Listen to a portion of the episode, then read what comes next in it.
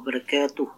Alhamdulillahirrabbilalamin Kembali pada hari ini saya akan menjawab satu buah pertanyaan yang telah disampaikan Assalamualaikum dokter Waalaikumsalam warahmatullahi wabarakatuh Sekarang ini ramai orang membicarakan tentang penyakit skabies Yang menyerang anak SD di Banjarmasin Saya sebagai orang tua yang memiliki anak kecil juga ikut khawatir Yang mau saya tanyakan apa itu penyakit skabies? Apa gejala dan apa penyebabnya? Apakah penyakit ini menular? Bagaimana cara mengatasi rasa gatal tersebut? Pada kondisi apakah pasien harus segera dibawa ke dokter? Mohon penjelasannya dok. Atas jawabannya saya ucapkan terima kasih dari Widya. Baik, terima kasih Ibu Widya atas pertanyaannya. Sebenarnya ini lebih kompeten untuk menjawab sebenarnya adalah dokter kulit. Tapi saya tetap akan menjawab sebatas pengetahuan saya. Mungkin yang akan lebih mendetail bisa nanti dikonsultasikan ketika e, bertemu dengan dokter kulit atau bisa kontrol ke dokter kulit kepercayaan Bu Widya. Baik, apa itu skabies? Tentu orang sering ya mendengar kata yang namanya skabies. Tapi orang tahu tidak apa itu skabies? Jadi skabies itu adalah dalam bahasa awamnya orang menyebutnya dengan kata kudis yaitu kondisi di mana terjadinya rasa gatal di kulit yang sampai menyebabkan benjolan-benjolan kecil kemerahan di tangan, di kaki, maka orang menyebutnya sering dengan kata kudis. Nah, penyebabnya apa? Nah, ternyata penyebabnya itu adalah e, parasit yang disebut dengan tungau. Nah, tungau itu kalau dalam bahasa Latinnya yaitu Sarcoptes scabiei. Makanya dia disebut dengan penyakitnya adalah skabies. Nah, gejalanya bagaimana? Gejalanya itu adalah gatal. Itu adalah gejala khasnya. Kenapa bisa gatal? Karena skabies ini dia itu menggali ke dalam kulit. Nah, galian ke dalam kulit itu menyebabkan area di sekitar galian itu menjadi gatal terutama gatal itu akan terasa meningkat pada saat seseorang pada saat malam hari.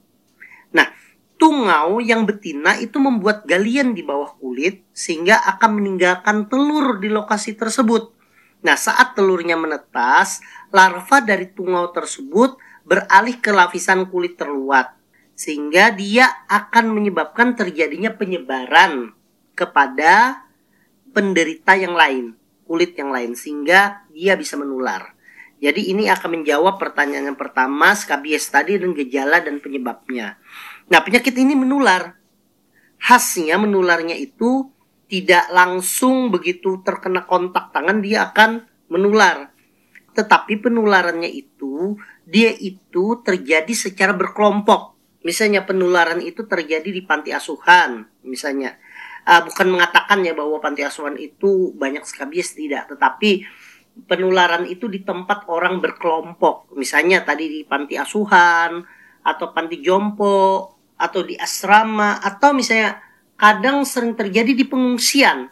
Kenapa itu bisa terjadi? Karena adanya kontak fisik yang dekat dan juga penggunaan alas tidur yang sering bersamaan dan jarang diganti itu menyebabkan terjadinya penularan dari tungau tersebut sehingga skabies ini akan diderita berkelompok, jarang itu perseorangan. Biasanya kalau satu kena, yang lain juga akan kena.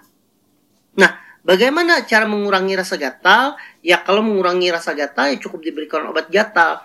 Tapi permasalahannya adalah bukan memberikan obat gatal itu saja, tetapi untuk menghilangkan atau membasmi dari skabies tersebut.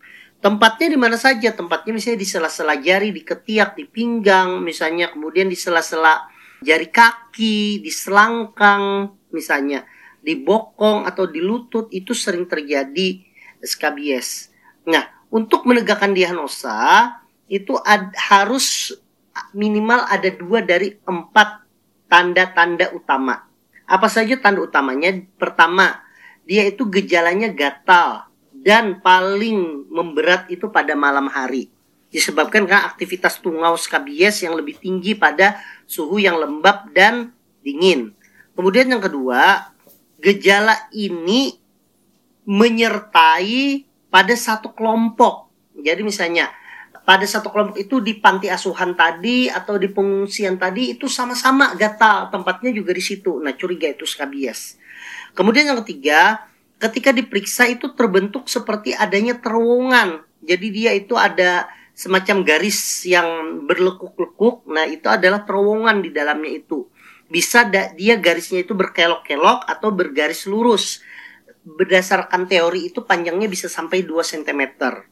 Kemudian yang keempat itu adalah tempatnya. Tempatnya itu paling utama di selajari tangan atau jari kaki, pergelangan tangan, di siku, di ketiak, mohon maaf di bokong, di perut bagian bawah.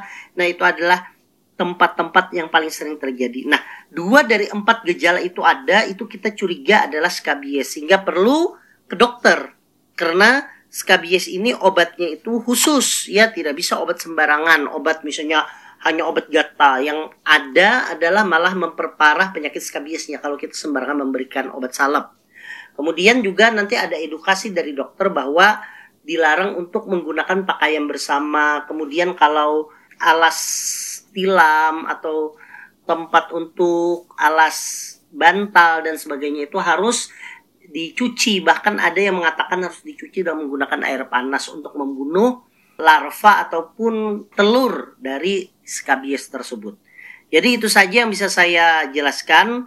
Ya wajar saja dia bisa menyerang anak-anak mungkin saja karena berkelompok, sering bersentuhan secara fisik sehingga menyebabkan penularan dari skabies tersebut. Sehingga saran saya terapkan pola hidup sehat, bersih dan sehat. Kemudian pakaian selalu dicuci, tidak didiamkan 2-3 hari baru dicuci Kemudian anak-anak juga mandi dengan teratur. Semoga kita semua diberikan kesehatan oleh Allah Subhanahu wa taala. Terima kasih. Wassalamualaikum warahmatullahi wabarakatuh.